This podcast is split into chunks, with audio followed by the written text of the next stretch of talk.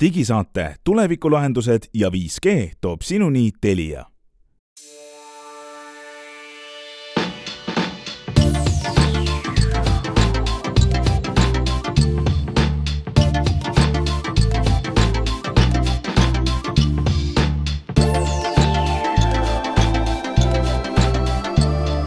tere, head kuulajad, alustab nimetu digisaate järjekordne episood kuuendal veebruaril aastal kaks tuhat kakskümmend kolm ja teieni toovad selle saate Hans Laugas, Henrik Roonemaa, Meelis Väljamäe, Glen Pilvre. ja me räägime täna sellest, et Samsung, Samsungi telefoni on viiskümmend protsenti stuudios osalejatest väga lähedalt tutvumust teinud. mis see uus Samsungi telefon endast kujutab ja miks see nii huvitav on, kuulame. räägime sellest, kuidas suusahooaeg veel käib ja aeg on oma üles suusatamised filmida üles mini pisikese seikluskaameraga. siis high-res heli kõrvaklappides, kas see on suur müüt või seal on tõde taga ja lõpus räägime võib-olla paar kasulikku praktilist mm, ID teemalist uudist ka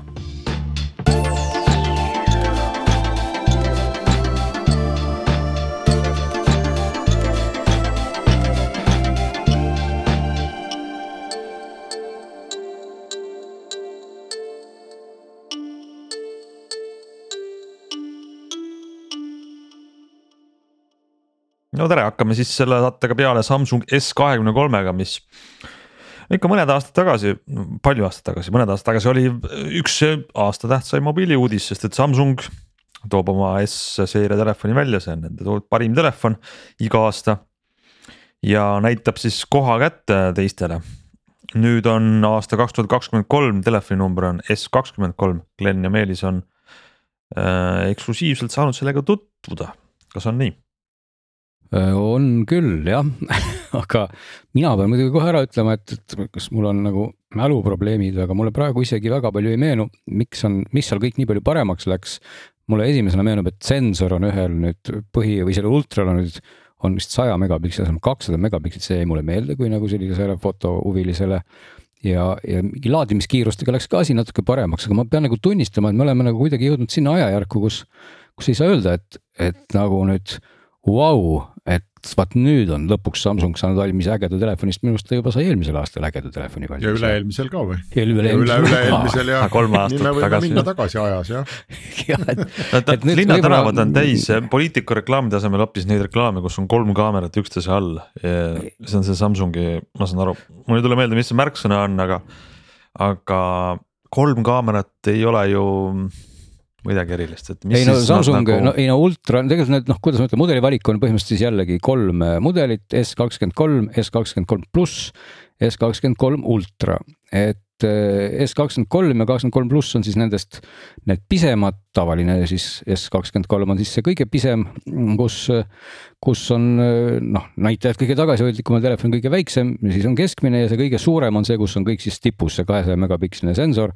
kaameraid on seal põhimõtteliselt siis kokku lausa ju neli, eks ole, et jah, lainurk või ülilai nurk, mis on noh, siis siis on tavaline see kesk või lai nurk on siis kahesaja megapiksline ja siis on kümnekordne optiline suum samuti ja siis oli, eksi, vist ka kolmekordne optiline suum, et nii et noh, aga, aga see ka ei ole nüüd midagi sellist erakordset, et nüüd enne, enne ju ei olnud, et, et on siin mõlemal nii Samsungil kui Huawei'l olnud neid kümnekordse optilise suumiga kaameraid ka ennem, aga siin on see koht, kus nüüd üle Meelis aitab meid hädast välja ja värskendab siis ka mälu, et mis seal veel põnevat nendel oli.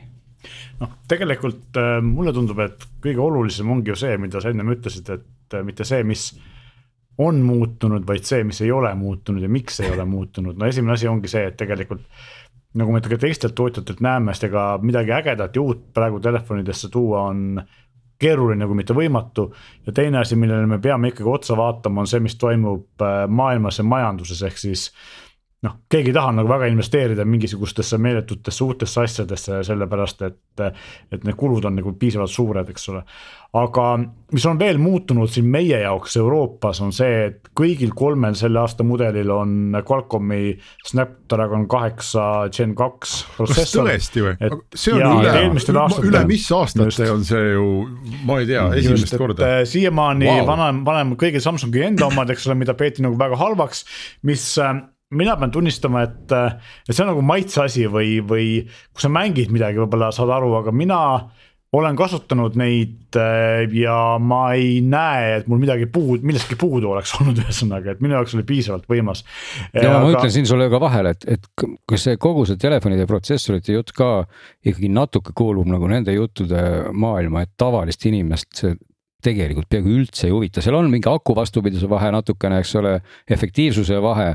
aga no olgem ausad, nagu sa ütled ka, et tavakasutuses, mis sul tegelikult on, sellest on nagu küll ja veel.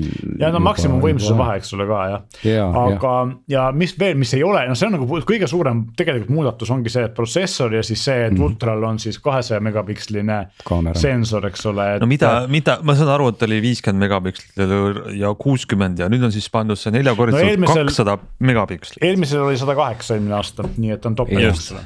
et siin on mis, nagu see, et, et sa saad äh, maksimaalse koguse, ühesõnaga maksimaalse teravuse saad sa suurema, aga ilmselgelt see suurem teravus tuleb äh, valgustundlikkuse arvelt, eks ole, et kui me tegelikult need lõpuks oma kätte saame, saame ka nii-öelda oma äranägemise järgi neid pilte teha, siis me saame vaadata, kuidas see välja tuleb tegelikult. no ega neid. küll aga nii, küll aga on see, et Samsung on pannud äh, ikkagi rõhku kaameratele ja, ja just nagu mitte rauale niivõrd, kuivõrd selline Google'i moodi või Apple'i moodi tarkvarale ja tehisintellektile seal ja.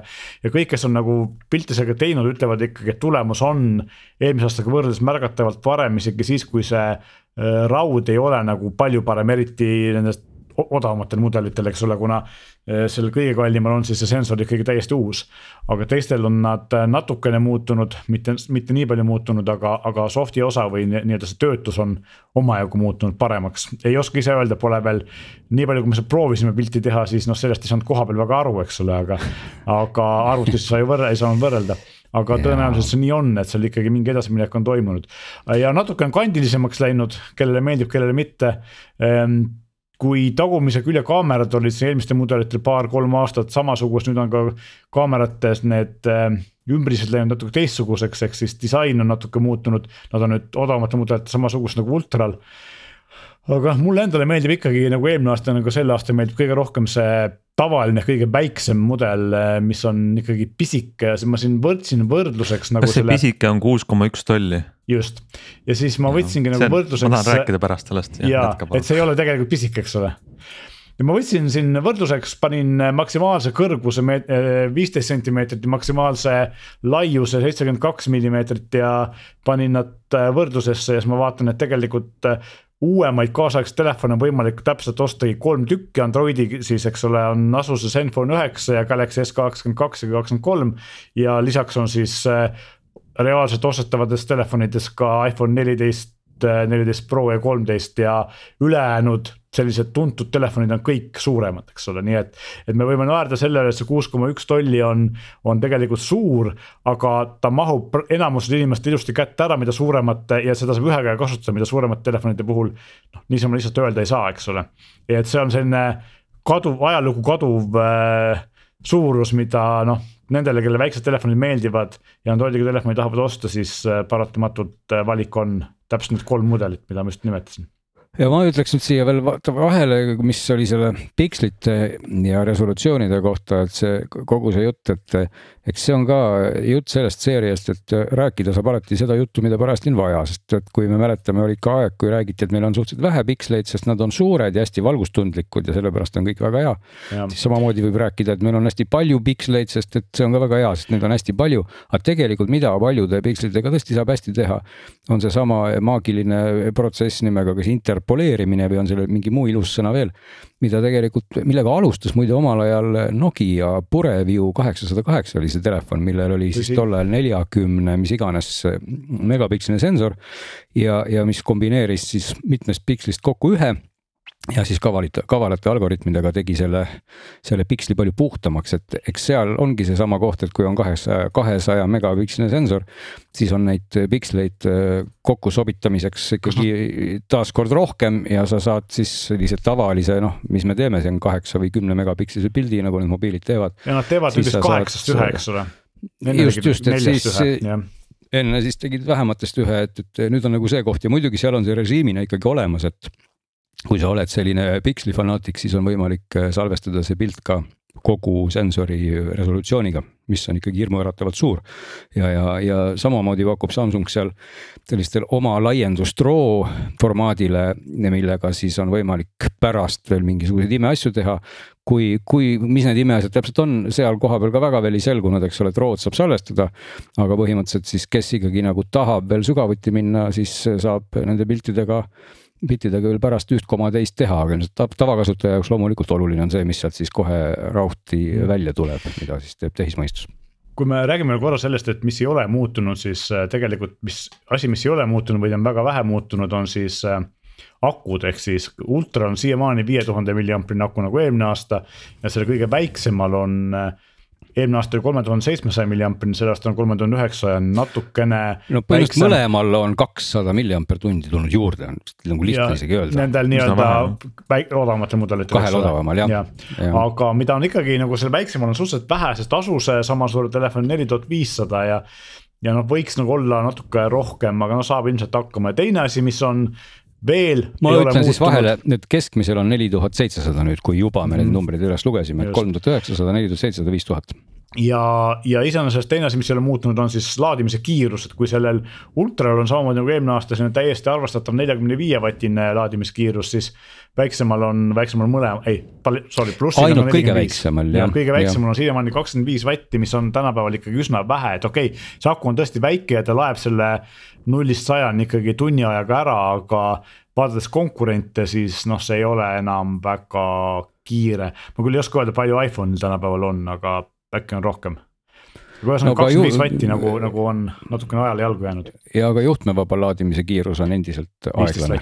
just, et see seal ka. no see on kõigil sama, see ei ole ju teistel, no okei okay,, hiinlastel on jah. no hiinlastel. peal on ta sama nojah, aga neid hiinlasi ikkagi, ma iga kord ütlen, neid tegelikult on, noh, OnePlus on ju esimene, mis meelde tuleb, siis on kohe seal järgi Huawei veel võib-olla ja, ja, on... ja Xiaomi'd ja kõigil on neil see. just, aga siin on see aga, et kõigil nad, ükski nad ei, ei järgi standardeid, sa pead ostma selle oma kalli laadija, mis on petikaga, mis teeb kõvasti häält, eks ole. kui sa tahad osta G standardi laadijat, äh, mis igat asja laeb mm., siis sa pead jääma selle viieteist või isegi kümne vati juurde, et. no tegelikult Apple'i MagSafe on ka viisteist vatti, nii et kui sul ei ole MagSafe on tavaline, siis ta läheb kümne peale alla seitse koma viis lausa. Apple'il jah, nii et. jaa, nii et seal, seal jah, ei ole mingit, mingit muutust, tähendab Samsung ongi nagu selgelt, et sellist oma laadijat nad ei ole siis nagu välja toonud, mis laeks kiiremini, et ma pean nagu tunnistama, et see on tegelikult no, mugav on... omadus, et minu OnePlusil on see laadija olemas ja, ja, ja tegelikult on väga hea visata sinna ikkagi telefon peale mingisuguseks suhteliselt väikeseks ajaks ja saada suhteliselt palju laetud. ja aga kui sul näiteks on no, autos okay. tänapäeval juhtmevaba Android auto või Apple CarPlay ja sul on seal no, juhtmevaba laadija, eks ole, siis nagu noh jah ja,, aga, aga noh, teistpidi ka jälle, kui laadijatesse mitte kinni jääda, aga kui autos on see laadija, ma pean ka ütlema, et. et enda personaalse kogemuse põhjal, kui mul on telefon selles juhtmevabas laadijas ja ta kasutab ka samal ajal juhtmevaba Android autot, noh siis kokkuvõttes eriti. tulemus on null tulemus on null, telefon läheb lihtsalt soojaks, aga tühjaks ka õnneks ei saa, nii et, nii et ega sa seda. aga noh, iseenesest ikkagi küsimus selles, et küsimus on standardis ja standard mm. peab lihtsalt äh, kasvama ja arenema, enne kui. mulle meeldiks nagu pigem see, et see üks standard, mis ta kõik kasutavad, läheks nagu edasi, kui see, et igaüks teeb mingi oma asja. aga see selleks aga muidugi võiks vist rääkida paar sõna ka hindadest. ma nüüd täpseid numbreid ei mäleta, äkki Meelis mäletab rohkem, aga igal juhul on nad mõnevõrra nüüd kallimad kui eelmise aasta mudelid, et kas see tippmudel, kui sinna nüüd panna siis nii palju mälu, kui sisse mahub, mida oli ikkagi märkimisväärselt palju, kas, kas üks terabait oli salvestus või? et et äh, oli isegi rohkem, et, see oli siis tuhat viissada, üle tuhande viiesaja euro, eks ole. Äh, jah, äh, see on minu arust Samsungi enda selles nagu nüüd operaatorid ja poed seda ei müü, vaid Samsung ise müüb, eks ole. et need, mida operaatorid ja poed müüvad, on viissada kaksteist, on tuhat kolmsada üheksakümmend üheksa ja tegelikult ka kaks viis kuus on sama hinnaga, aga praegu neil käib -hmm. siis mingi ettetellimuskampaania, kus nad müüvad nagu suure, poole suurema mäluga sama raha eest. ehk siis noh, RAM-i on sellel kõige kangemal siis kaksteist giga, teistel on kaheksa ja väiksematel jah, mõlemal väiksemal. RAM on ka suhteliselt sama, mis eelmine aasta oli, eks ole. jah, jah. kuulge, mul on selle RAM-i ja protsessori jutu, see protsessori uudis on huvitav ja ma ei oska siin paremat seletust leida, kui et Samsungil oli miskipärast probleemne uue põlvkonna protsessori väljatöötamine, eks, et sest nad ka ju valmistavad ise, et tõenäoliselt ei olnud asi selles, et nad, ma ei tea, tehases ei olnud ruumi või keegi ei võtnud neid jutule, et sama firma huvitav, et kas see on nagu mingi PR küsimus, et lihtsalt nende maine on piisavalt halb või oli siis see, et nad tõepoolest ei suutnud nagu midagi teha, noh teada on, et nad üritavad välja töötada siin paari aasta pärast äh, mingit uut asja, et nad tegelevad sellega. aga samas nad teevad ju seda Google'i Tensorit, eks ole, võib-olla on seal pigem siis see, et see nii-öelda väljatöötamine on Google'i poolne ja Samsung lihtsalt toodab, aga, aga. Google'i Tensorid on ikkagi üsna Exynos'e peale ehitatud, et. Äh, ja, aga teine asi, mis ma tahtsin küsida ma just vaatasin siin järgi, minu viimane Samsungi kogemus oli äh, äh, telefoniga Samsung äh, S10e, mis oli see väiksem nii-öelda S10, mulle väga meeldis. väga hea telefon omas ajas. väga hea telefon ja noh, see oma aeg ei olegi ju ka nii kaugel, et ma vaatasin, ma olin ta ostnud kaks tuhat üheksateist lõpus, mis on noh, sisuliselt mõni aasta tagasi. aga, aga selle telefoniga ikkagi, okei okay,, üks asi oli see, et ta läks noh, ikkagi ta läks ebameeldivalt kuumaks mulle see ei meeldinud, isegi suhteliselt lihtsate asjade tegemisel, et ma väga ei mänginud temaga. aga teine asi oli see, et ta ajapikku ja noh, see aeg ei olnud väga pikk, see võis olla pool aastat või, et ta ikkagi täiesti silmnähtavalt jäi aeglasemaks. ja, ja noh, mingisugused asjad nagu kontakti raam- või aadressiraamatust kontakti otsimine ja talle helistamine või noh, need, need ikkagi kiilusid tunduvalt aeglasemaks ja see hakkas mind närvi ajama eks see oli olukord kaks tuhat üheksateist lõpus, ütleme siis kaks tuhat kakskümmend esimene pool või, või kaks tuhat kakskümmend terve aasta. Mm, ma rohkem ei ole Samsungi kasutanud, kas, kas sellest on nüüd lahti saadud Androidi maailmas ja Samsung ka või, või ma pean arvestama, ma ostan selle S kahekümne kolme ja see on nii äge ja kallis ja hea ja poole aasta pärast, kui ma aadressiraamatu lahti teen, siis noh, käib see nagu. see on asi, mida Glen peab vastama, sest tema on võrrelnud ka teiste tootjate telefonidega, minul on siin ole, olemas praegu Galaxy S kakskümmend üks. ei, kui sa testid, siis on kõik hästi ja kui sa. ma saan aru, noh, ma olen kasutanud peaaegu aasta sama telefoni, eks ole. okei, no kuidas on? ja ma ei tunneta, et oleks äh, aeglane või ta käiks mulle närvidele. aga mul ei ole võrdlusmomenti, kui ma võib-olla paneksin mingi iPhone'i või mõne teise telefoni kõrvale, siis ma võib-olla saaksin aru, hetkel ma ei kurda, aga kuna mul ei ole võrdlusmomenti, äkki Glenil on äkki? ei, mulle ka, ega mul nihuke pikas kasutuses teadupärast ikkagi enamik inimestel on nagu üks telefon, see on väga keeruline on. mis sul on, Glen, sul on see OnePlus mingisugune, eks? täna, tänaseks jah, ma olen nüüd ka OnePlusi küüsi langenud üle aasta, seda üheksa Prod kasutanud, isegi rohkem ja noh, mina ka ei saa aru, kõik on põhimõtteliselt samamoodi, ta on ju saanud siin neid tarkvarauuendusi suhteliselt eh, kepsakalt nagu OnePlus neid ikkagi saab, et ja kõik näeb seal väga ilus ja, ja kiire välja ja ennem seda olin ma Huawei'ga ja ka nagu ei, ma ei ütleks, et see aeg nagu sinna no,. Huawei ma mäletan mingisugusel oma pressikonverentsil, Huawei veel oli, oli firma, eks ole, siis nad spetsiaalselt rõhutasid, et vot meie rõhutasid, tegime jah. mingisuguse X-tehnoloogia või mingi asja, et meil on see asi nüüd korras. ja see oli ka tegelikult. ja, ja isegi nad, nad isegi ei öelnud, et neil on see korras, vaid nad ütlesid, et neil läheb veel paremaks, et nende see väide oli tegelikult, et telefon justkui õpib sinu mingeid mustreid ja, ja teeb veel asju kiiremini. tegelikult tõsi, sest mul on on äh, sahtlis on üks, äh, mida ma ei ole ammu kasutanud, äh, Mate kümme Pro, mis oli minu üks lemmiktelefon läbi aegade, praeguseks ta on lihtsalt moraalselt vananenud, Ristor on siiamaani piisavalt hea, aga tarkvarauuendusi ta paar aastat juba ei ole saanud. ja sellel noh, samamoodi, et tegelikult ka sinnamaani, kui ma teda kasutasin, ta ei teinud minul nagu seda probleemi, et oleks aeglasemaks jäänud. aga noh, mina teen ka muidugi oma telefonidel tihti Huawei'le tegin käsitsi, aga Samsungil on see, et kui nad saavad üsna tihti tarkvarauuendus, no iga paari kuu tagant ikka, siis lihtsalt tarkvarauuendus teeb talle restardi, eks ole, ja aeg-ajalt võib korra kuus või, või paari kuu tagant võiks seda teha. ei no ma tegin ka, ma tegin kõike ikkagi, mida nagu pidi tegema, ta lihtsalt jäi aeglasemaks ja mul ei ole, iPhone'iga ei ole sellist probleemi nüüd siis. ei no aga, aga kas seal olnud. ikkagi äkki oli probleem ikkagi selles, et kui sinna tuligi uuem opsüsteem peale, siis võib-olla see, see riistvara ei saanud hakkama lihtsalt. no ei tea, iga opsüsteem lubas, et nad teevad asju kiiremaks ja paremaks muide, muide üks asi, mis mul praegu nagu ähm, oleks ääre pealt ära unustanud, aga oleks äh, väga kena Samsungi vastu mainida, et mida ka seal esitlusel loomulikult rõhutati, palju on keskkonnateemad ja, ja siis need uued telefonid on ka äh, mingisuguste komaprotsentide võrra jälle keskkonnasäästlikumad, küll on seal siis äh, igasugused pudelid ja muu kraam, mis ookeanist on kokku korjatud ja. kalavõrgud. kalavõrgud ja, ja mitte ainult siis sugugi, sugugi ainult seal võib-olla selles kestas või mingites, et, et lausa nagu noh põhimõtteliselt kõikjal, nii palju kui mul nagu ähmaselt meelde jäi, on siis selle taaskasutuse peale ikkagi palju rõhku pandud ja, ja noh, karbist rääkimata, eks ole, et.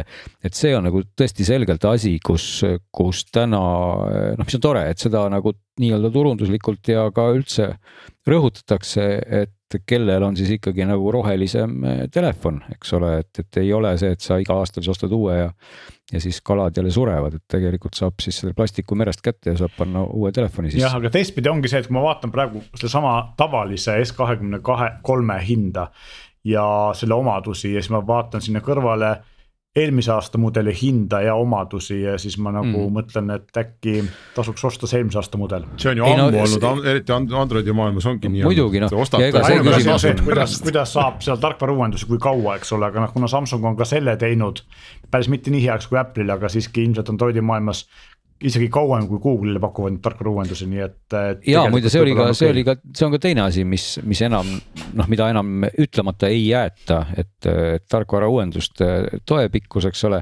ja, ja noh, selge ongi see, et kogu selle jutu valguses, eks ole, et ega kui sa eelmisel aastal ostsid omale uue Samsungi, siis no ilmselgelt pole mõtet sel aastal seda minema, minema ostma ja. selles mõttes kindlasti ei ole, aga, aga kui sa jahid parimat Androidiga telefoni, mis on turul, kas nüüd on ikkagi S kakskümmend kolm Ultra või pluss on need nende, mis võiks olla see kandidaat. aga, aga jah, ütleme ultra on ju tegelikult eh, telefon, mis ikkagi kombineerib endiselt ka seda pliiatsi funktsionaalsust, eks ole. nagu Samsung Note'il oli jah ja, ja et, et, et kui see, see oluline on, siis see on tegelikult nagu hea omadus ja nad on ikkagi suutnud sinna nagu juba eelmine aasta, kes ei ole sel aastal muutunud. üsna suure aku juures on nad suutnud sinna ka selle pliiatsi sisse ära mahutada, eks ole, see on tegelikult üsna arvestatav tulemus jah, et noh, selles, selles valdkonnas või selles kategoorias ongi ta ikkagi riiulilt võetavatest toodetest ainus selline, mis on siis nii võimekas koos pliiatsiga. jah, et kui me räägime siin kaamerast, siis noh, siin võib tuua kõrvale mõne Vivo või, või mõne muu Hiina tootja sellise tippmudeli, millel mõnes kohas võib olla parem kaamera, kui me räägime nagu kogu paketist. Eestis olemasolevast äh, müük, müüjatest ja korralikust toest, pluss noh, kelle jaoks oluline mm., kelle jaoks mitte, aga korralikust eesti keelest, mis seal sees on. siis ega siin jah, alternatiive väga palju ei ole, eks ole selle, selles tippklassis. noh, eks, eks see muidugi alati on huvitav kõiki asju siis võrrelda, kui sa nüüd nii küsid, et mis on kõige parem, eks see ongi see koht, kus. kus loodetavasti mingi aja pärast saab panna need kaamerad siis siin tippmudelitel võib-olla kõrvuti ja. ja, ja mis seal veel on, et ega, ega seal ei jäägi nagu, aga nagu väga palju midagi ju järgi, et see ongi see koht, et no mida sa võrdled, jõudlust on ju küll ja veel, ekraanid on ilusad. noh, laadimiskiirused, võib-olla aku vastupidavused, et, et see, millega sa tegelikult täna seda uut telefoni müüks hakkabki olema pigem juba natuke, noh, emotsionaalne on vale sõna, aga, aga mingi selline noh, täpselt nagu see keskkonnateadlikkus ja mingid, et, et sa nagu, sul on mingi tunne, mingi emotsioon, et sa ostad nüüd nagu kihvti ja, ja ägedama asja, et. tegelikult ju ka kaamerate puhul on see, et ega tegelikult see pildi kvaliteet mingites mõistlikes oludes on kõigil piisavalt hea Loomulikult ja see erineb väga on. palju. et tegelikult tulebki siin, et kas sul on vaja näiteks seda kümnekordset zoom'i või, või mingisugust äh, ultramakrot või kas sul on vaja ideaalset video kvaliteeti, mida siiamaani iPhone kõige paremini teeb, eks ole, et. kõik need asjad on nagu, kas sul on seda ühte konkreetset asja vaja, sest kui me vaatame, siin üks tuntud Youtuber tegi hiljuti enne jõule või jõulude paiku tegi kaamerate pimetesti, kus oli mitukümmend mudelit ja seal ju võitis tegelikult nii-öelda kasutajate või vaatajate arvamuste põhjal Pixel 6a, mis on nagu selline ikkagi üsna soodsa hinnaga telefon. aga oli ka superkaamera tegelikult, ma mäletan, kui ta just, välja tuli juba omal ajal, noh seda on kogu aeg kiidetud, eks. jah, et see näitas ka tegelikult seda, et Google oli seda Pixel neljast või kahest saadik isegi seda ühte kaamera sensorit tuuninud ja kui nad nüüd läksid seitsmega üle, eks ole, sellele viiekümne megapikselisele mudelile, siis see ilmselt see tarkvara optimeerimine ei ole samal tasemel, kui sellel eelmisel mudelil oli. no selge, igatahes Samsung äh, kakskümmend kolm on nüüd väljas, ma saan aru, et äh, vist tänasest peaks ka müügil olema ja. esimesest tegelikult juba. juba esimesest oli jah. esimesest on ette tellitav ja saadaval peaks olema ametlikud äkki, ma ei mäleta enam kuupäeva, aga, aga tõenäosus on nagu tavaliselt Samsungi mudelite puhul on see, et saab varem kätte, kui, kui on see ametlik kättesaamise aeg mm. -hmm.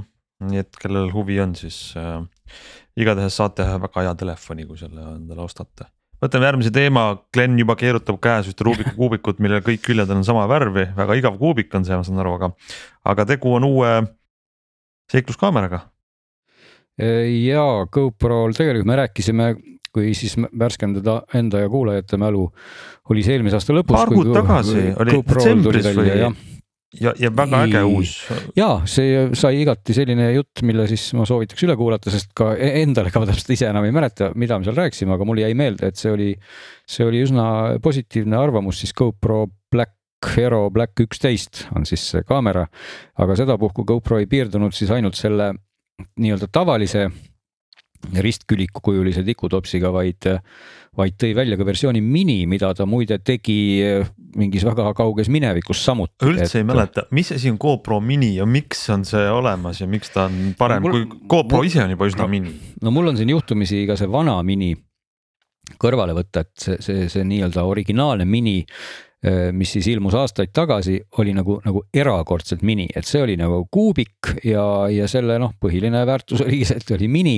ja seetõttu siis igale poole külge pannes õhutakistus väiksem, kaal väiksem, kõik on seal väiksem ja teda on lihtsalt parem kasutada sellises kontekstis, kus sul on vaja väiksemat kaamerat, olgu see siis kiivri küljes või, või kus iganes, eks ole ja, ja iseenesest see kontseptsioon või mõte teha nagu väike kaamera, noh, nii-öelda aktsioon seikluskaamerana on ju, ju väga hea mõte ja, ja, ja nüüd siis GoPro selle mõtte teostas uuesti.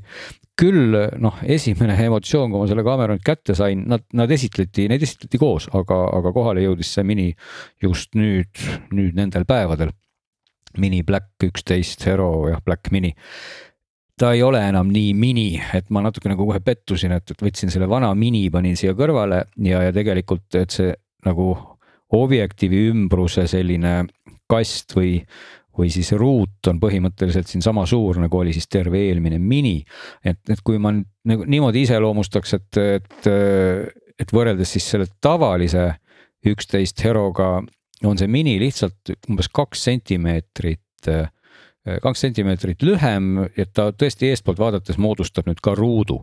et kõrgus on põhimõtteliselt äh, täpselt sama ja paksus ka on isegi vist marginaalselt suurem, aga, aga umbes samas klassis ja tagumise külje asemel, kus siis äh, suurel GoPro'l on ekraan, on siia pandud hoopis tegelikult radiaator, mis, mis peaks seda jahutama lausa jah, selline, selline Võre.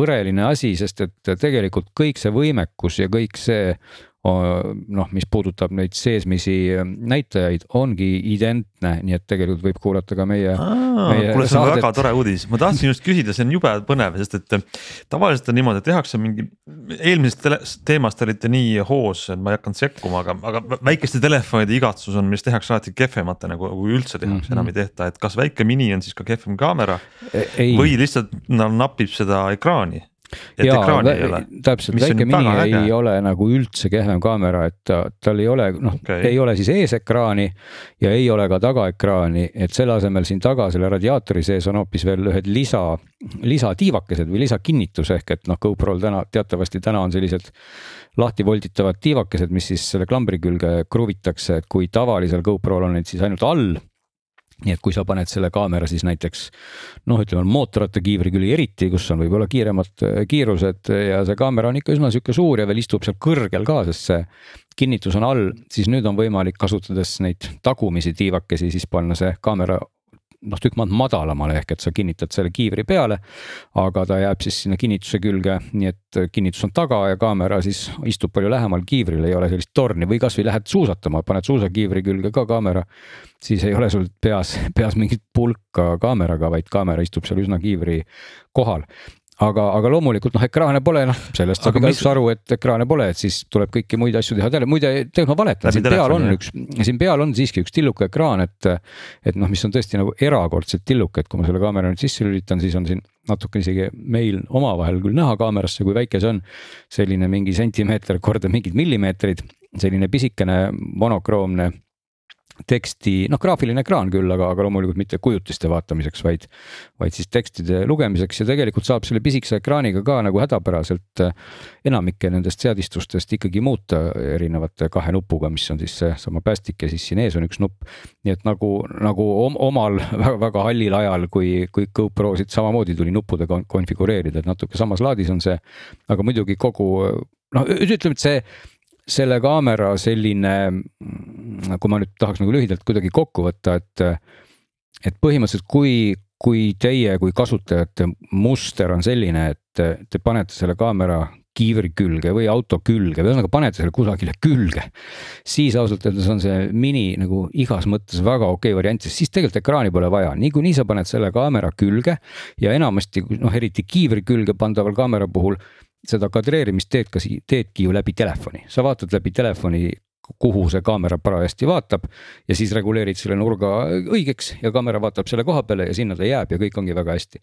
kui sa oled nüüd sellise. ja see nurk on kasutaja... väga laidal, eks ole et nurk on loomulikult laia, tal on ka noh. no umbes kuhugi ja juba. seda küll, aga, aga noh, põhimõtteliselt ikkagi telefon annab sulle võimaluse kadreerida, sest ega sa oma kiivri peal oleva kaamera ekraani hästi ei näe niikuinii aga, aga kui sa oled juhtumisi selline ikkagi operaator suure hooga, kes siis käib kaamera käes ringi mingisuguse käsi kinnitusega. kasutad nagu siukse salakaamerana või sellisena, et võtad või mitte sala no,, aga, aga selline märkamatu kaamera käes. no ühesõnaga jah, selle asemel, et võtad mobiiltelefoni kätte, võtad hoopis mm -hmm. GoPro kätte mingi käepidemega, siis ilmselgelt ekraan on, on nagu asendamatu, sest siis sa ikkagi tahaksid näha, mida sa täpselt siis kadreerid, mis sinna peale jääb ja siis telefoni ekraanilt seda pilti vaadata ei ole väga noh te, tegelikult on, on see väga halb, sest et see telefoni ekraanil see pilt ikkagi jõuab ka teatava viivitusega ma vaatasin, see oli umbes null koma kaheksa sekundit. nii et põhimõtteliselt see telefoni ekraani eelvaade on ikkagi endiselt mõeldud selleks, et paneme kaamera paika ja siis ta sinna jääb, nii et ühesõnaga, see on see, see ongi see küsimus, et, et kumb kasutusmuster huvitab, et, et kui huvitab see statiivina kasutamine, käes hoidmine, siis mini ei sobi, aga kui ei huvita, kui huvitab kinnipanek, väike kaamera ja ainult filmimine on mini väga hea, aga üks selline võib-olla nagu miinuste rubriiki kuuluv erinevus, mis siin on siis, et, nagu eelmiselgi minil, mis oli muidugi tunduvalt minim küll, ei saa vahetada akut. Nii et eh, erinevalt siis suurest üheteistkümnest või noh, erinevalt kõigist GoPro suurtest kaameratest, millel aku on olnud vahetatav ja mis on väga suur. pluss eelkõige sellisele, sellisele jõukasutajale, kes ikkagi palju filmib ja kellel on kotitäis akusid ja, ja ta muudkui neid lops-lops vahetab, siis siin seda võimalust ei ole, et sa pead ikkagi laadima läbi läbi USB pordi, mis on siis selle veekindla ukse taga, et, et selle siis avama. Nii et noh, see miinus täpselt samamoodi, aga loomulikult, kuna ekraane pole, siis see kaamera on ka noh, ilmselgelt noh, lihtsalt tugevam või vastupidavam, ehk et kui ta ikka sul maha pudeneb, siis ekraan ei lähe ju katki, sest seda ei ole, et nii et selline, selline erinevus neil on, hinnavahe on ka umbes, ütleme, kõik teevad praegu mingisuguseid selliseid riiulisoodukaid, ma vaatasin, et muidu nagu tavahinnana oleks nad, oleks nad viissada viiskümmend oli vist tavaline ja, ja mini oli nelisada viiskümmend. aga täna kõik pakuvad siis tavalist ühe, ühteteist neljasaja viiekümnega justkui soodukaga ja minit pakutakse siis neljasajaga. nii et see hinnavahe on täna viiskümmend eurot ja nii see on lihtsalt veider alati, kuidas Eestis neid asju edasi müüakse, sest et ma vaatan seda saakraami GoPro.com veebilehelt, kust Eestisse saab selle osta siis kolmesajaga ja kolmesaja viiekümnega, nii et. lausa, lausa euro, ei muide. euro hindu sulle või? tead sa, ma arvan. No, pane tollimaksud ja kõik muud asjad otsa. ja aga, aga võib-olla tead sa vaatad ühte sellist, sellist hinda, kus, kus on üks väike kiri jäänud võib-olla märkamata, nimelt GoPro saan... pakub täna seda pilvepõhist teenust ja, ja. ja kui sa võtad pilvepõhise teenuse, ongi kõik hinnad sada eurot odavamad jah, täpselt see ongi see, ma näen. see on see nõks ehk et, et aga arvestada tuleb seda, et pilvepõhise teenuse maksumus oli, kui ma nüüd ei eksi, oli see viiskümmend eurot aastas. nii et, nii et põhimõtteliselt selle nagu mõte on ikkagi see, et sa jääks siis sinna konksu otsa ja siis Mm -hmm. nii-öelda supsutakse oma viitekümmet eurot aastas, nii et noh, tegelikult loomulikult täna on igal juhul see ju mõistlik võtta, sest ega keegi ei kohusta sind seal aasta otsa olema ja igal juhul on mõtet see pilveteenus võtta, sul on seal tasuta salvestusruum igasuguste muude hüvedega.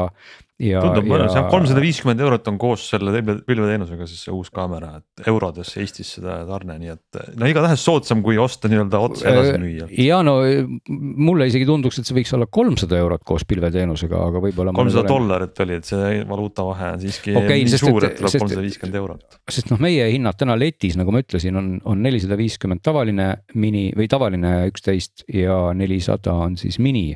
ja kui see nagu matemaatika kehtib, peaks sealt tegema veel miinus sada selle pilveteenuse eest, aga võib-olla siinkohal ma praegu eksin, et, et, et see on siis äkki siis miinus viiskümmend, igal juhul on see, on see soodsam äh,, igal juhul ta, tasub kindlasti seda võimalust uurida, ehk et kui te lähete täna GoPro'd ostma, siis igal juhul selle pilveteenuse peale tasub mõelda, sest GoPro on sinna palju, palju energiat ja rõhku pannud, et see oleks nagu äge, aga, aga muidugi, kui sa oled selline üks kord aastas käid suusareisil noh, siis, siis täna ostes muidugi see pilveteenus on mõtteks sinna võtta, aga noh, lihtsalt jätta see omale tiksuma, olgugi et see noh, lõpuks see mingi viis eurot kuus ei ole ju suur raha, aga kui sul on neid viie euroseid kuutellimusi seal juba mustmiljon, siis siis eks, eks see päeva lõpuks ikkagi loeb, nii et selles mõttes tasub, tasub see kriitilise pilguga üle vaadata, sa saad kõiki asju teha noh, ütleme, jätame pilvesalvestuse ja, ja asjad välja, eks kaamera kui sellisega saad sa ju väga hästi ka tööd teha loomulikult ilma selle teenuseta noh, oma, oma faile telefoni laadida või arvutisse laadida või mida kuulge, aga rääkige mulle, te suusareisil käijad, ma olen ka mõnel suusareisil käinud, et mis see äh, GoPro kasutamise selline järelm või, või köögipool on, et äh, ma kujutan ette, kui ma tahaks mingi paar laskumist filmida, noh siis ma võin endale iPhone'i põhimõtteliselt teipida kuhugi rinna külge, on ju, ja ma sean poole tunniga need noh, video filmitud või et kui sa juba GoPro'ga lähed, et kas siis ütleme, kui sa lähed neli päeva mäele, et, et sa siis põhimõtteliselt kogu aeg sõidad sellega ja tuled Eestisse, sest sul on tundide kaupa materjali, et mis see GoPro omamise mõte on, kui sa ei ole noh, ei tee seda mingi, ma ei tea, telesaate või mingi spetsiifilise eesmärgiga, et teed enda nagu koduvideona et, et miks sa just selle GoPro võtad ja miks sa ei tee lihtsalt paari sõitu umbes telefon käes või midagi sellist? no eh, ma võib-olla vastaks selles mõttes esimesena, et et esi, esiteks vastates ongi see küsimus väga asjakohane, sest ilmselt väga paljud võib-olla filmivadki üles kõik oma suusareisi ja siis jääb mingisugune sada gigabaiti kuskile ja, tolmama. mingisugust värisevat ja... mingit segast äh,. ei no muidu nad ei värise, sest et GoPro okay., GoPro pilt üldse enam ei värise, et stabilisaator on siin nagu ülihea. aga ikkagi ta jääb sul kuskile kataloogi ja, ja siis ta seal on ja kui ta on sul olemas, siis sa võib-olla vaatad seda heldinult viie aasta pärast, aga, aga seda on loomulikult igav vaadata, siin ongi tõttab appi ka selline tehisintellektne montaaži võimalus, mida ka ju GoPro pakub ja pakuvad ka igasugused muud äh, tootjad, ehk et sa laed siis oma nöhin või, või on su asjad seal GoPro pilves üleval ja ütled kohe, et, et palun siis tee mingite highlight idega video. sest et ta ju on tag inud ära seal võib-olla mingid kukkumised, mis G-sensoriga on jäädvustunud ja nii edasi ja siis äh, sinu eh, suusareisist võibki moonduda valmis selline paariminutiline või, või lühem. ta teeb seda ise ja teeb reaalselt nagu ägedalt või? nojah, eh, nii ja niivõrd-kuivõrd, eks ole, et loomulikult, kui sa tahad sinna vahele ikkagi pikkida võib-olla sellist päris elu ka, et sa võtad kuskile õhtusele koosviibimisele GoPro ka veel kaasa ja, ja viskad sinna mõned jutunaljad sisse, filmid selliseid olenguid ja siis sinna sekka ka mäeasju, et, et loomulikult sa pead ikkagi olema sul peab olema huvi ja sa pead sellega natuke tegelema, eks ole, et see, et kui sa tahad seda lõpptulemust saada, eks ta läheb natuke sinnasamma rubriiki, et vanasti olid kõigil millegipärast kaasas videokaamerad ja kõik, kõiki asju filmisid, siis põhimõtteliselt ainuke rõõm oligi see filmimise rõõm, sest ega vaadata keegi ei viitsinud pärast, et see oli mingi õudusunenägu, ma tegelikult vanasti oli ka enam vist ei ole või ma ei tea, võib-olla minu sõpradel ei ole, aga vanasti oli mingi, lähed kuhugi külla, see oli nii ja nüüd hakkame reisipilte vaatama. Siis on mingisugune kakssada viiskümmend suhteliselt mõttetut pilti, mida siis kuskilt istuti ja vaadati ja nii, siin aga, meie aga... sööme kala, nii siin meie oleme paadis. No ma pean ka tunnistama, et. kui sa ajad no, kellelegi, lähen Hansule külla, Hans on tulnud suusareisilt, nii ja nüüd vaatame, nüüd hakkame vaatama, jah, terve õhtu kõik istuvad. aga samas siis on nagu salata, et eks inimeste võib-olla kombed ja, ja see sellised traditsioonid on erinevad, et võib-olla mõne, mõnele väga meeldib, kui, kui on niisugune sotsiaalse kesk, koosviibimise üks, üks telgesid on, et vahime pilte, kommenteerime neid. ma arvan, sotsiaalmeedia on meid sellest lihtsalt päästnud, sest kui ma lähen kuhugi külla, kõik ütlevad, nüüd hakkame vaatama meie puhkuse pilte, ei, ma juba nägin, sa panid sinna. kõik on nähtud jah. aga eks seal on see koht, eks ole, et vaata, kui sa võib-olla ise midagi räägid, et tõepoolest, et siin, siinkohal ma ütleks, et, et oli veel ajastu siis, mida mäletavad need inimesed, kes on juba piisavalt vanad, et, olid filmid ja diapositiivid ja siis oligi see koht, et kui oli sünnipäev, siis võeti välja diapositiivi projektor. parem, paremal juhul pandi seinale lausa lahti rullitav ekraan, halvemal juhul sobis mõni puhtam voodilina ja, ja siis sinna näidati siis äh, eelmise sünniku pilte, tuli kustu ja siis äh, pereisa siis viskas mõned naljad ja, ja kõik naersid ja seda vaadati. Ja tegelikult see oli nagu omamoodi traditsioonina tegelikult ju kihvt, et, et ma, ma, ma ei, nagu ei annakski hinnangut, kas see oli nagu hea või halb, see käis selle ajastuga kaasa, see oli selle ajastu tehniliste võimaluste nii-öelda lagi ja nii see käis, eks ole. aga Henriku küsimusele vastates siis mõte, Ivan ikkagi selles, et sa saad käed lahti olla vist. ma ise ei ole GoPro omanik, aga mõte on see, et, telefoniga noh, sa lihtsalt ongi üks käsi hoiab telefoni. mina, kes ma olen kasutanud äh, paari seikluskaamerat kuskil reisil aastaid tagasi. mina ütleks, et üks nagu põhiomadus, mina selle kaasa võtsin, oligi see, et äh, kui ma ikkagi tahan selle kuskile statiiviga mingisuguse kalju kohale tõsta kui see telefon peal käest ära kukub, siis on nagu jama vajas, eks ole. eriti see, et kui see on mu ainuke, kõik mu dokumendid ja kõik asjad seal on, siis on nagu, nagu jama suur. aga sellest mul ei ole väga palju kahju, eks ole, ja ta on ka tugev, et kui ta maha kukub, juhtu ka midagi, telefoniga paratamatult võib juhtuda. ja teine asi on minu arust see, et Glen nüüd parandab, kui ma eksin, aga seikluskaameratel ja GoPro'l eriti on esiteks no üks asi on see stabiilsus, eks ole, mis noh, võib-olla uuematel telefonidel on sarnane, aga mitte võib-olla ikka sada protsenti ei, ei ta ikka, ta ja, ei ole üldse ja, nii hea. ja teine asi on see, et minu teada ka eh, seikluskaameratel siiamaani on fixed focus ja teiseks ka lai nurk. ehk siis, kui ma telefoniga on see, et ta hakkab mul mingit fookust otsima, siis tegelikult oluline osa läheb ja ma ei näe seda ise, kui ta on mul kuskil rinna küljes, eks ole. Läheb paigast ära, siis nagu nende seikluskaameratega seda häda ei ole, et et sa ei saa olla väga loov äh, äh, siis režissöör seal, aga vähemalt kõik olulised asjad on sul korraga peal ja see, kõik need asjad on täiesti sajaprotsendiliselt õiged ja muidugi, kui sa tahad veel astuda ühe sammu veel edasi oma seiklusesse, siis kolmesaja kuuekümne kraadine kaamera on veel eriti lollikindel variant, eks ole, sest et siis pärast on sul kõike näha ja kui sul on juhtumisi selline virtuaalreaalsuskomplekt kodus, siis on eriti äge sellega siis personaalselt oma mälestusi värskendada, mis, mis on tõesti kihvt, et sa vahid siis igale poole ringi ja. või siis teed töötluses sellest pärast sellise, selliste nurkade ja selliste vaadetega laskumise nagu vaja, nii et. et igal juhul ma ka kindlasti ütleks, et käes hoida telefoni kuskil suuremal suusamäel.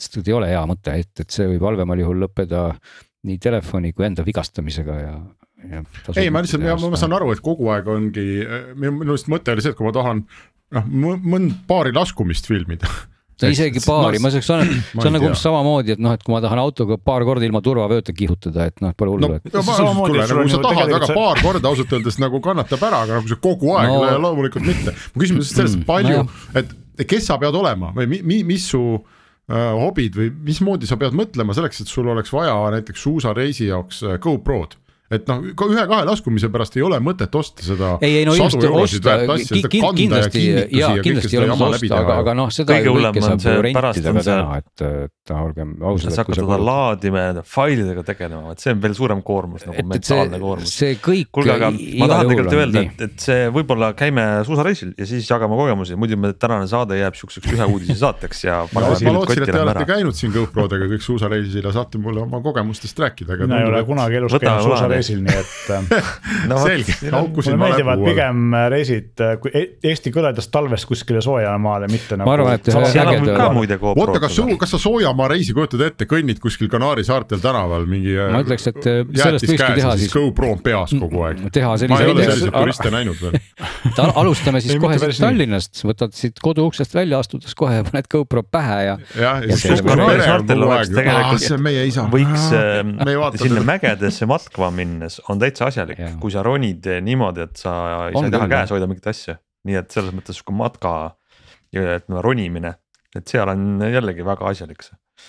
ja, aga eh, võib-olla. võiks oma kuulajatele muide öelda, kui kellelgi on Äh, ägedaid mingeid suusareisi selliseid GoPro või noh, ta võib olla ka, ma ei tea, Sony seikluskaamera või. et kui keegi on nagu tõesti, tõesti teinud mingi ägeda asja sellest või ja raatsite no jagada meiega, äh, vaataks muidugi, pilgu peale. aga et... ega siis kaamera tegelikult ei tooda ägedust, et ikkagi see suusataja no,.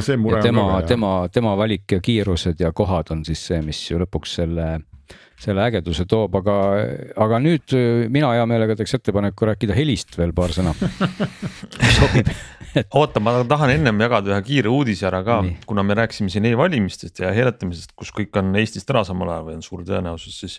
mina tubli kodanikuna uuendasin oma mobiil-ID-d ja tahan jagada sellist asja, et ma olin valmis selleks, et see on väga nädal kestev protsess, kus ma pean leidma aja, et minna uut SIM-kaarti võtma esindusest, seda ma tegin siis ma pean välja otsima oma ID-kaardi, ID-kaardi lugeja, arvuti, kus on äh, tarkvara ja minema kuskile lehele jälle oma uut mobiil-ID sertifikaati aktiveerima.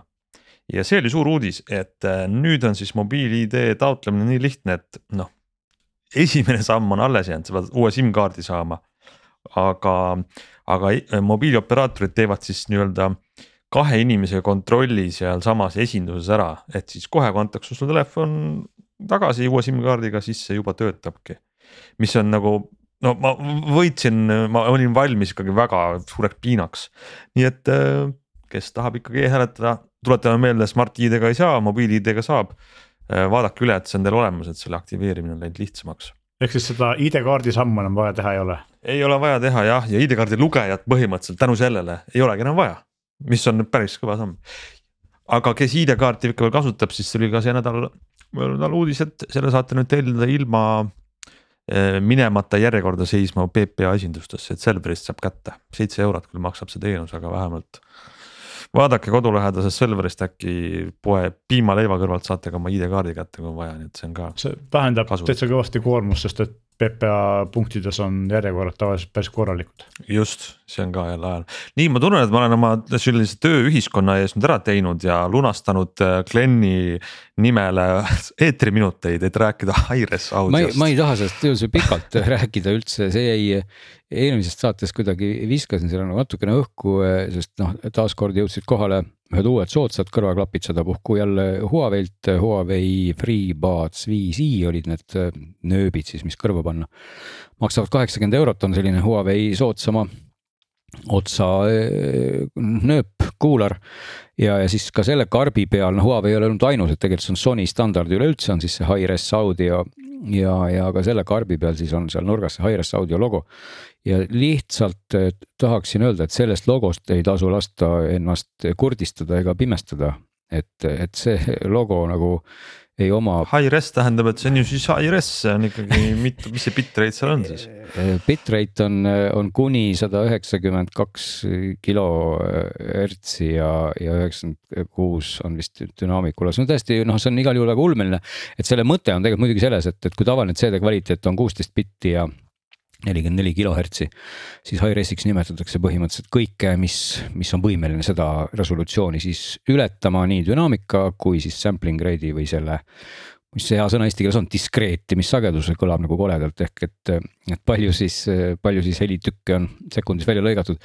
aga veel kord, see on seesama pika ja juba halli habemega teema, et kuusteist bitti ja nelikümmend neli koma üks kilohertsi on piisav selleks, et kõik maailma inimesed oleksid õnnelikud tegelikult.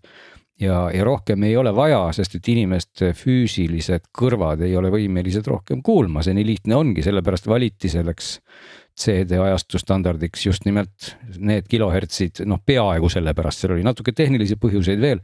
aga suurusjärguna on see siis, tuleneb sellest, et inimesed kuulevad teadupärast mitte kõrgemaid sagedusi kui umbes kuusteist, seitseteist kilohertsi, kõige rohkem võib-olla vastsündinud kuulevad natukene rohkem, aga ega neil, nemad väga palju ei kurvasta, kas on siis rohkem või vähem ja, ja tegelikult see bittide arv, kas me siin räägime nüüd kuueteistkümnest või räägime kahekümne neljast või siis millestki veel rohkemast nagu kolmkümmend kaks.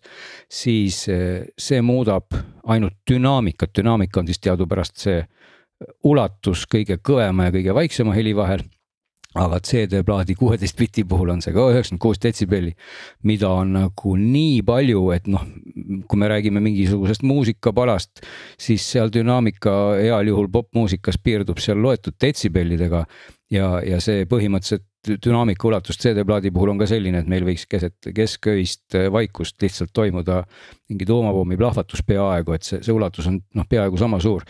nii et lihtsalt see minu pikk praegu sihuke heietus viib jällegi sinnani, et selle nimi on puhas turundus, et loomulikult äh, stuudio tingim- või noh, salvestusel, muusika tegemisel kasutatakse, me kasutame suuremaid äh, dünaamika või bitrate'i nii-öelda, mitte, mitte bitrate'i, vaid seda jah, ikka bitrate, eks ole, et, et kuueteist biti asemel on kakskümmend neli. aga, aga need põhjused ei ole selleks, et me tahame mahutada need pommiplahvatused koos vaikusega, vaid seal on lihtsalt tehnilised põhjused, mis on seotudki sellega, et. et helimoonutus teoreetiliselt jääks võimalikult väikseks, sest lõppmeedium on ikkagi kuueteistbitine. see on nagu tööprotsessi osa, see on nagu see nii-öelda köögipool, aga kui sa annad selle konservi inimesele, siis ei ole mitte mingit mõtet sinna pigistada neid bitte rohkem, kui neid on kuusteist, sest sellest on küll ja veel. et, et see, selle nimi on nagu puhas turundus ja ma üldse ei süüdista siin ka kaugel sellest, et nagu Huawei'd, et eks selle asja mõte tegelikult ongi natukene nagu, nagu jutumärkides tillitada kasutajat, et ta langeks sellisesse high-res termini hüpnoosi, et, et toome paralleeli nagu pildiga ja ikka high-res ja see on ägedam. ja siis tundukski, et nüüd on elu palju ilusam ja kõlavam, kui ta on high-res, et tegelikult sellel nagu reaalsusega põhimõtteliselt äh, puudub absoluutselt igasugune seos kuuldava kvaliteedi parandamise nimel. kuule Glen, aga punkt. mul on veel, oot-oot, mul on veel üks huvitav küsimus sulle ähm,. Need on ju Bluetooth klapid. jaa palju Bluetoothist üldse läbi tuleb mm.? Uh, sealt ei tule, see ei tule läbi sealt ju. see konkreetne Hi-Res, selle nimi tegelikult on, selle nimi on Hi-Res Wireless.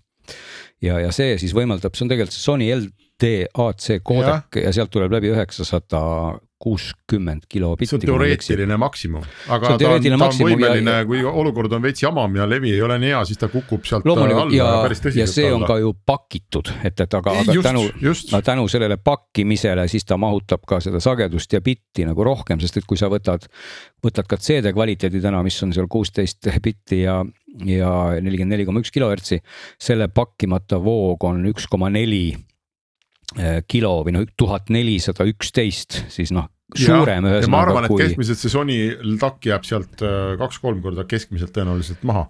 ei no ta, ta pakib. sest see tema üheksasada üheksakümmend on ideaaloludes, aga kui sul Ja- on seal seda- mingid seda taskud ja ei tea, mis asjad vahel, noh, ma ei usu elu aga, sees, et noh see läbi, tuleb. aga lihtsalt selle asja nagu jutu mõte on ikkagi see, et, et kuna pakitakse noh, põhimõtteliselt olenevalt siis pakkimise tihedusest või paki, pakitud formaadi bitrate'ist ikkagi kordades. see tähendab seda, et, et siis si- sealt on võimalik ka pakituna läbi suruda siis kahekümne nelja bitine heli või, või siis ka kõrgema diskreetimissagedusega heli.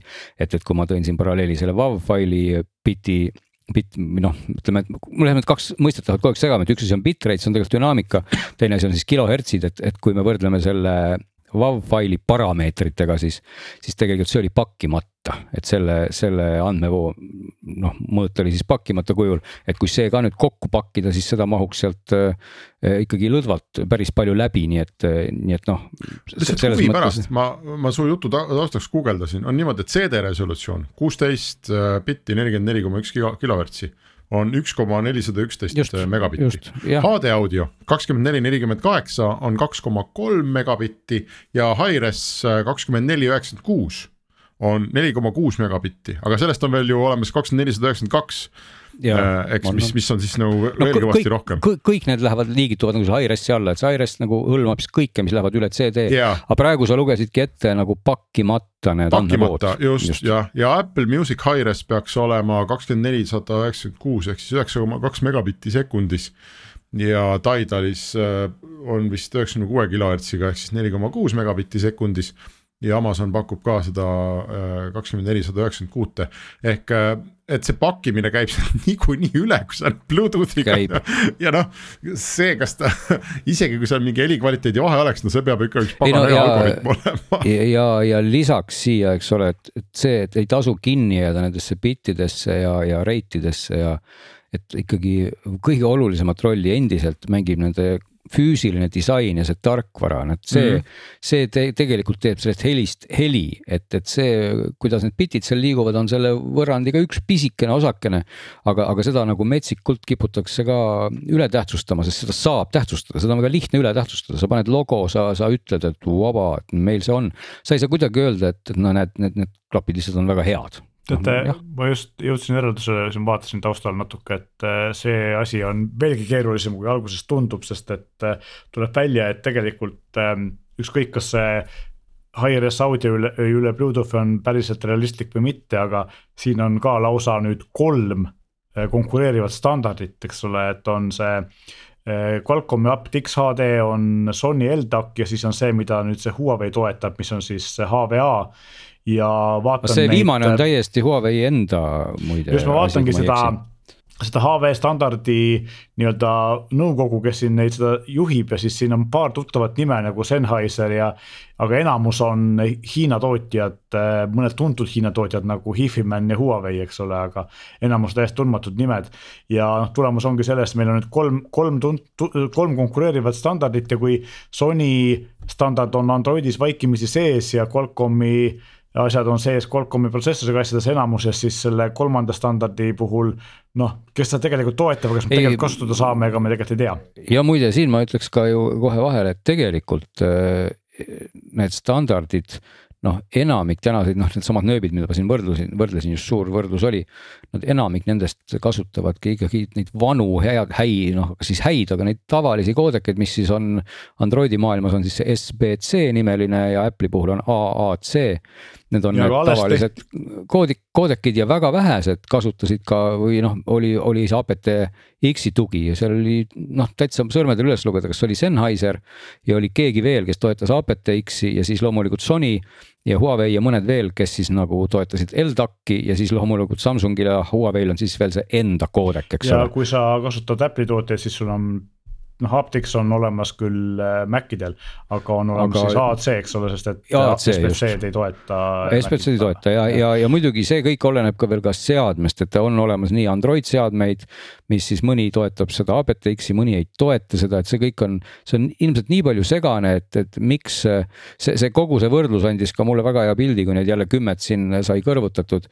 et tasapisi on nagu tootjad ennast no tasapisi on nagu see koodeki hullus on kuidagi nagu ära lõppenud, et, et paljudel ongi need vanad koodekid ja kõik on sellega rahul ja, ja. just, et tegelikult äh, suvel tuli välja uus Bluetooth LE audio, mis on, peaks asendama SBC.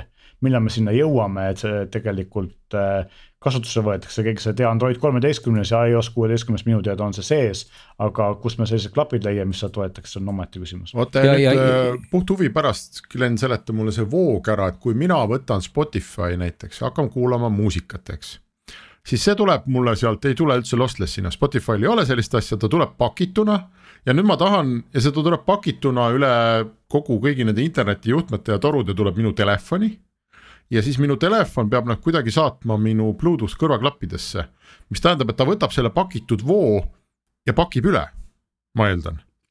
see, ma jään pakib oma sellele, koodekiga selle üle ju. ma jään sellele vastuse võlgu, et ideaalis võiks näiteks noh, kasutades ükskõik kumma neist formaatidest, siis tegelikult AAC on seesama eh, vorming, millega on ka lugu kodeeritud, ehk Mhm. et tegelikult nime Võib poolest arvad, võiks ka nagu otse tulla jah, et küsimus on see, et mis vormingus see lugu sealt Spotify'st parajasti teele pannakse, eks ole Mm. et, et kui ta pannakse ikkagi teele MP3-na, siis ilmselgelt MP3 ei võrdu SBC, eks ole, et Mhm. mm, -hmm. et seal, seal käib mingisugune vaheaste. pakitud asi, pakitakse üle ja siis need sinu väiksed kõrvaklapid higistavad ja pakivad seda Uuesti omakorda su kõrva lahti üle, jah. ja siis su kõrv noh, teisandab nüüd omakorda, eks ole, siis helideks, millest su aju aru saab, ehk mis ma tahtsin öelda, on see, et noh, kunagi oli see asi lihtne, mõnes mõttes lihtne, et oli sul CD, ta oli sinna mingisuguse kindla bitrate'i ja kindla äh, noh, kindla tihedusega peale pandud, eks ole.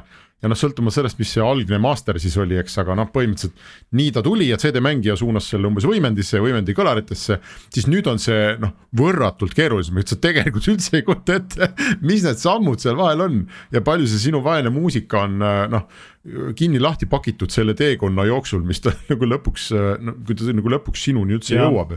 see ringi pakkimine on tegelikult suur probleem, aga positiivse koha pealt peab ütlema seda, et viimase noh, kümnekonna aastaga on seesama tavaline Bluetooth SBC näol teinud ikka või AAC näol väga suur hüpe edasi, et võrreldes sellega, mis äh, heli me saime telefonist klappidest kümme aastat tagasi, mis me saame praegu, siis äh, see on, see on öö ja päev ja, ja noh, loomulikult siinkohal AAC on juba olemuslikult nagu parem, öeldakse, et keskmiselt kaks korda võid nagu nii-öelda suurusjärguna siis panna kõrvuti, et ehk et kaks korda hõredam AAC võrdub siis MP3-ga.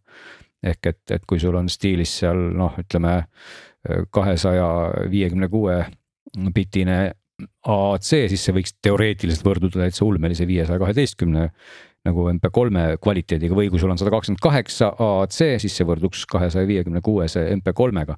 nii et igal juhul nagu AAC on, on nagu parem kvaliteet, aga muidugi siin ma arvan ka, et siin, kui me selle ümberpakkimise ju lõpetuseks ka veel öelda, et.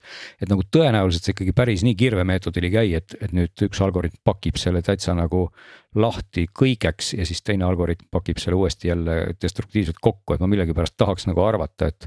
et siin on ikka võimalik kuidagi neid pakette võib-olla niimoodi ümber tõsta, et oleks loogiline. kvaliteedi kadu ei ole, aga, aga loomulikult kuna, kuna see noh, biti kiiruste mõttes ka ma täna arvan, et aa, sa võid võite seda kindlasti guugeldada, see info on ju avalik, et mis, mis resolutsiooniga MP3-d ka Spotify'st tulevad, eks ole, et, et kindlasti ei ole need enam nagu nii-öelda vanad sada kakskümmend kaheksa, et see oli see algus, millega MP3-sid hakati Spotify's sa saad ise esiteks kvaliteeti valida ja teiseks eks ta ole. natukene, sa saad ka määrata, et kas ta tuimalt saadab sulle seda, mis sa küsisid või ta võib No- no, kehva netiühenduse puhul no- no, seda ka allapoole kas- lasta. Kas Spotify No, mitte ei kasutanud äh, ka mingit nende arust paremat asja, kui MP3 Macis oli Oak või, või mingi selline. no ja tähendab ki- kindlasti no olemuslikult ikkagi, kui me täna paneme ka ju lood üles nendesse striimingu teenustesse, siis eh, kõik nad soovivad ikkagi ju pakkimata formaate. Ja, ja mis kujul nad sinna siis lähevad ja kuidas seda algoritm parajasti teeb, on see nende puhas köögipool. aga noh, kui arvestada, et MP3 ikkagi täna võimaldab kolmsada kakskümmend, siis, siis noh, sa saad ikkagi tegelikult väga-väga okei kvaliteedi. et, et see kindlasti ei jää täna see heli kvaliteet nende bittide taha, noh, see jääb selle kõrvaklapi taha, see jääb selle heli ja, algoritmi ja selle keskkonna taha, kus sa oma nööpidega oled. ja, ja et, et see, see, nii et see, seda, seda, seda müüti ei tasu nagu uskuda, et bittide taha jääb, et, et loomulikult on alati kõikides valdkondades olemas mõned inimesed, kes, kes näevad ja kuulevad vähemalt enda arvates rohkem kui teised. ja neid on võimatu ümber veenda, et kindlasti, kui see teeb neid õnnelikumaks, et nad teavad, et, et neil on seal see high-res logo või see nii-öelda äh, lisabitid olemas, no andku minna, eks ole, et, et, et aga, aga noh, füüsilised katsed inimloomadega näitavad, et, et neid ei saa kuulda, neid sagedusi. Ja kas meil on, muide, kui me siin muusikast räägime, ma peaks ära õiendama ühe võla, ma ei tea, võib-olla see on meie saate viimane teema ka. eelmises saates, ma ei tahtnud sellest üldse eraldi nagu teemana rääkida, et see ei olnud nagu oluline, aga, aga äh, kuna vist Glen rääkis midagi puhkpillidest, siis ma tahtsin äh, öelda, et mina olen mänginud viimasel ajal täiesti haiget pisikest mängukest nimega Trombone Champ. Ehk siis trombooni tšempion. Ja see on Xbox'ile ja Windows'ile väljas. Juba mõnda aega, vist eelmisest aastast. Äh, ja nii palju nalja arvutimänguga ei ole mul ammu saanud, ehk äh, sa, sa pead hiirega, põhimõtteliselt hiire klaviatuuriga mängima trombooni ja see ja need palad on valitud selle järgi, et sul oleks võimalikult raske seda kõike teha. ja et see tuleks võimalik, kõlaks võimalikult äh, nagu purjus äh, šimpansi mingisugune tuututamine kusagil uusaastapeo varahommikul see kõlab selline, mis nõuab muusikalist nii-öelda kuidas öelda äh,, muusikalist annet või ei nõua? ta nõuab rohkem, natuke muusikalist ka, aga ma arvan, ta nõuab rohkem äh, annet liigutada hiirt ülikiiresti, ülitäpselt ähm,. täpselt sinna, kus see trombooni, kus need noodid siis nagu peaksid olema, noh. ma arvan, et see, see mäng on ikkagi rohkem nali kui päris mäng, aga, aga samas üllatavalt, sellest saab paremaks, kui trenni teha, nii et päris ainult nalja seal ka ei saa, ühesõnaga. see oli selline väike kõrvalpõige, Trombone Champi võib võib igaüks mängida, sõltumata vanusest. noh, siis me saimegi tänasest saatest nii uuemate telefonide soovitusi äh,. kuidas parimat heli kuulata kõrvaklappidega või siis mida mitte uskuda, mida kõik tootjad oma klappide peale kirjutavad ja kuidas trombooni mängida hiire klikkimisega, see, ma arvan, et tõmbame saatele joone alla tänaseks. ja järgmine nädal oleme jälle juba tagasi, nii et püsige lainel